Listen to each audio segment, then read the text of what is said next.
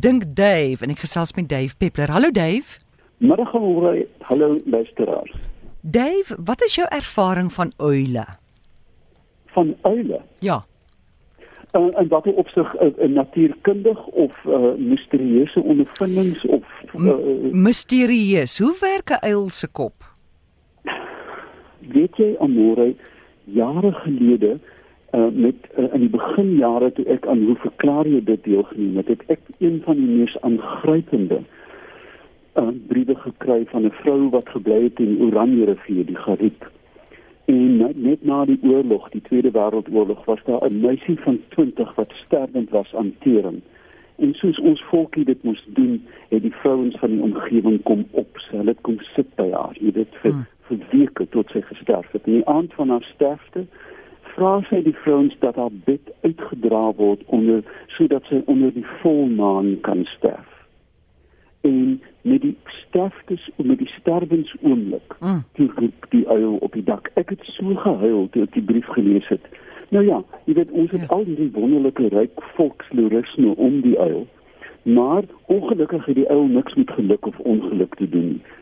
Uile is eenvoudig uile. Mm. Hulle is hoogs aanpasbare diere en eh, staan ook bekend as kommensale diere. Hulle gaan hulle trek saam met die mens, want waar die mens is, is aanliklik altyd rotte en muise. Met ander woorde in stede is daar goeie sterk bevolkings van uile. Um en ek dink dat um deur byvoorbeeld 'n 'n uil nextbox in jou uh teen jou dak vas te maak is 'n wonderbaarlike ding om jong kinders te leer van die natuur. Um want want ons stede en dorpe is regtig vol uile.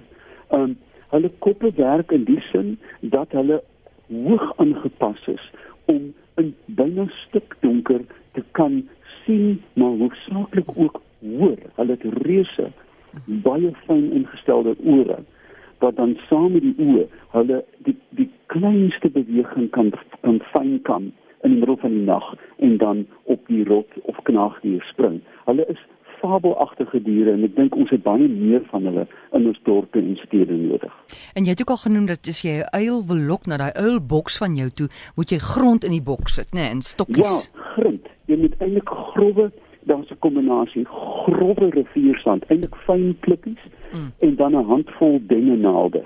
Die jy moet weet dat die dennenaalde doen maar alles baie lief daarvoor. So as jy die twee meng in jou uilkassie, dan uh, verhoog jy die kans om uit dit te kry. Goed, ons vat jou eerste oproep. Chanatay, goeiemôre. Goeiemôre vanmôre. Uh alle middag duif. Dis Johan wat gaan het. Ja. Hoor ek goed duif. Ek het ek het vir jou 'n uh, interessante vraag, nê. Nee. Uh okay. Ek het 'n paar jaar terug pere aangekoop, Mary's. Né? Nee? een 2 jaar, een 3 jaar. Hulle word hierdie jaar word hulle 8 jaar oud en 9 jaar oud. Hulle is nooit gedek nie deur 'n hinks nie, niks. Hulle loop in 'n trop van 8. Nee? Dis net 8 merries wat saamloop. Nou, die regte hingste vir hulle gekry, kos my 'n pretty penny. Alrite, hulle is na die hingste toe. Ek is my lewe lank in die boerderybedryf. Maar koeie wat op hitte kom, ry mekaar. Dis hoe jy die melkmanne hulle identifiseer. Ja. Nee. Maar hierdie twee merriepere gaan uit 'n trop uit van net merries na 'n hings toe, na twee verskillende hingste toe wat uitgesoek is vir hulle. Hulle wil niks van die hingste af weet nie. Hulle klim oor drade, breek drade, hulle wil net by mekaar wees en die twee merries ry mekaar. Goed, jy nog enige vrae of kan ek by die radio luister? Want as jy nie vir my antwoord het, kan ek my oë vir die blindes gee want dan het ek al gesien. So jou vraag is, ry daai twee merries regtig mekaar? Is dit jou vraag? Nee, hulle ry mekaar, maar hoekom ry hulle mekaar? Ja. Merriepare doen dit nie, beeste doen dit. Ja, goed. Goed, dankie. Jy wil jy nog iets weet? Ja, ek het gehoor ek sit ek sit um, met my hand voor my mond en die ander hand op my hart mm. oor die antwoord. Ehm um, toe maar ons sal ook so maak. Ja.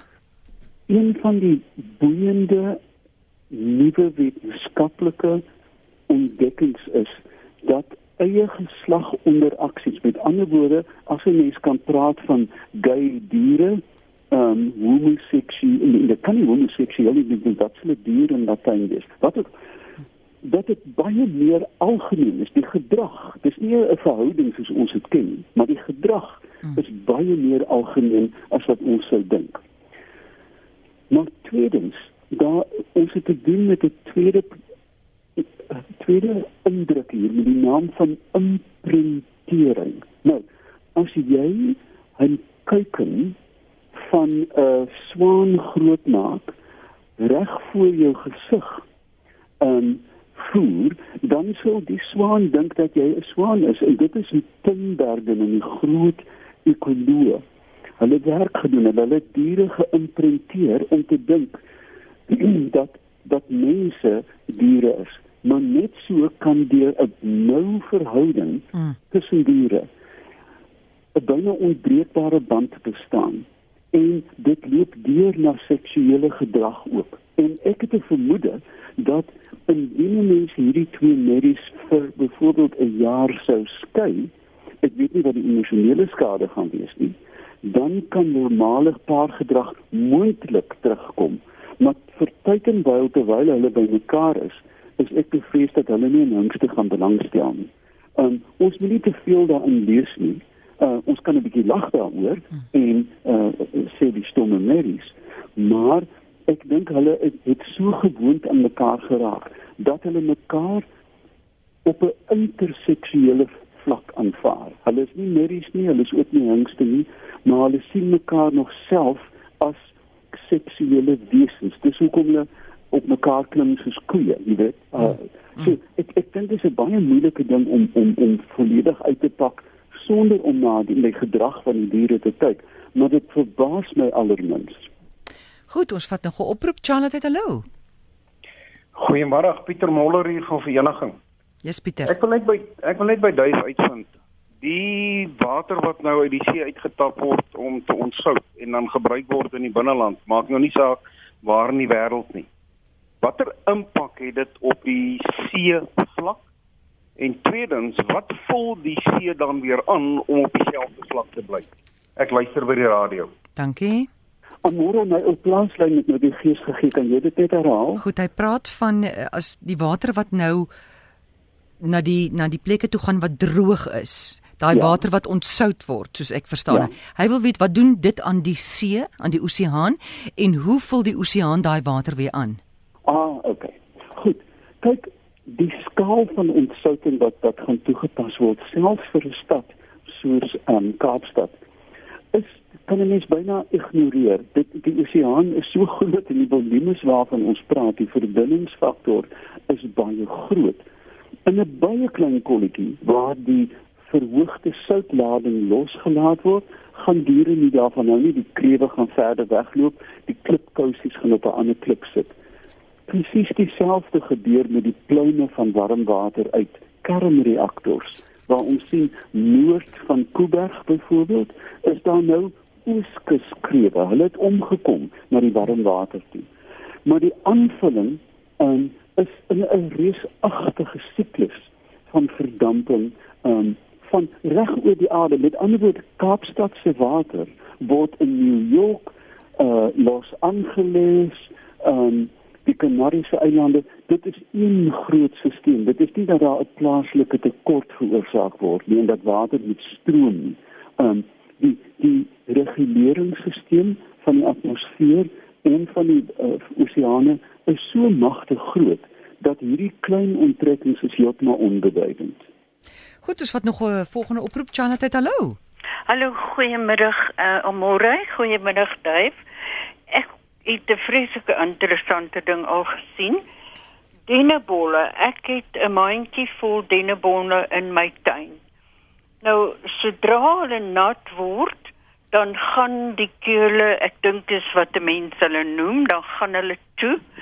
En as die son skyn, dan gaan hulle maar weer oop en hulle val al uit mekaar uit, maar daai meganisme werk nog hoe op dese aarde daar is nog lewe in daai hout.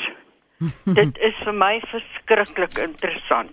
Hulle is al jare, seker 10 jaar wat hulle al daar in die mandjie lê. Ja, Dave? Ja, uh, dit is dis 'n baie interessante um, opmerking. Ek ek, ek, ek sien dit self met die denneboom naby my.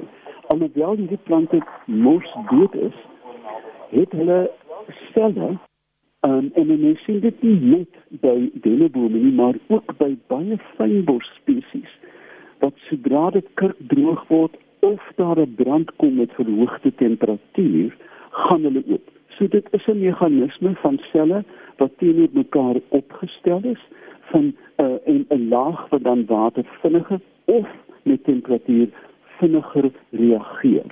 Um, 'n Mens kan dit maklik sien met twee metale as jy koper en yster teen mekaar met klinknaels vasmaak en jy verhit dit, dan gaan jy dink dit na die ysterkant toe buig want daar is verskillende uitsettingskoëffisiënte van van hierdie laag. So dis 'n laagselle. Ehm um, dit is 'n verskriklik interessant en jy sien dit natuurlik ook by die by die um, in die name woestyn met die opstandingsplant droë opgevrommelde plantjie en dan gooi jy 3 druppels water op hom en hy ontpop binne 'n paar ure en word groen. Dis dieselfde meganisme. Dave vraag hier van Rolien, sy sê: "Hoe gemaak as jy sien jou bure gebruik onnodig water?" En hulle is nou nie vriende van jou nie, hulle is net kennisse, maar dit is so ongemaklik om hulle dan te benader en jy wil mos nou nie kwaai vriende maak nie. Hoe, hoe spreek mens so 'n situasie aan? Ek dink die eerste ding amore, jy weet daar is niks so gevaarlik soos kalmte nie. Jy weet as jy hysteries oor 'n heining skree, dan is jy vir dekades lank kwaad vir mekaar. Ja. Ek dink 'n groet en en wat wat vir my nou aan die hart geruk het was hierdie onlangse gradou boere. Ja. Um wat hulle water, jy weet, met soveel ruimhartigheid geskenk het. En ek dink as 'n mens regtig iemand in die oë kyk en sê dit gaan oor die deel van 'n ruimhartige bron. Hierdie bron behoort aan almal van ons. Kom ons wees ges. Ja, en neem dit op ons, nie jy nie. Kom ons wees saam versigtig daaroor. Wat het jy gesê hierdie hierdie droogte of hierdie droom, wat het jy gesê behoort aan almal? Ek weet nie wat ek nou gesê het nie, môre ek weet ek ek kan nie in 2 sekondes die bron. O, die bron behoort aan ons almal. Die bron behoort aan ons almal, né? Uh en en die die teenoorgestelde is in Engels bekend as die tragedy of the commons, die die tragedie van die gemeenebes. Mm. Dat die dat die commons verstaan nie altyd dat dit 'n gedeelde bron is nie. En, die argie, die die die die aanspraak moet gaan oor dat ons deel hierdie bron saam.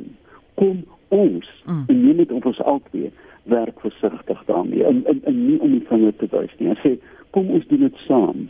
Dink ek gaan die argument of die die toenadering baie makliker maak. Goed ja, dit gaan help. Dankie Dave. Ja, um, net laastens aan môre iemand sê vir my vandag, ehm um, is daar iets wat jy nie weet nie? Die, die gewone uitvraag, ek het Ja. lekker gelag.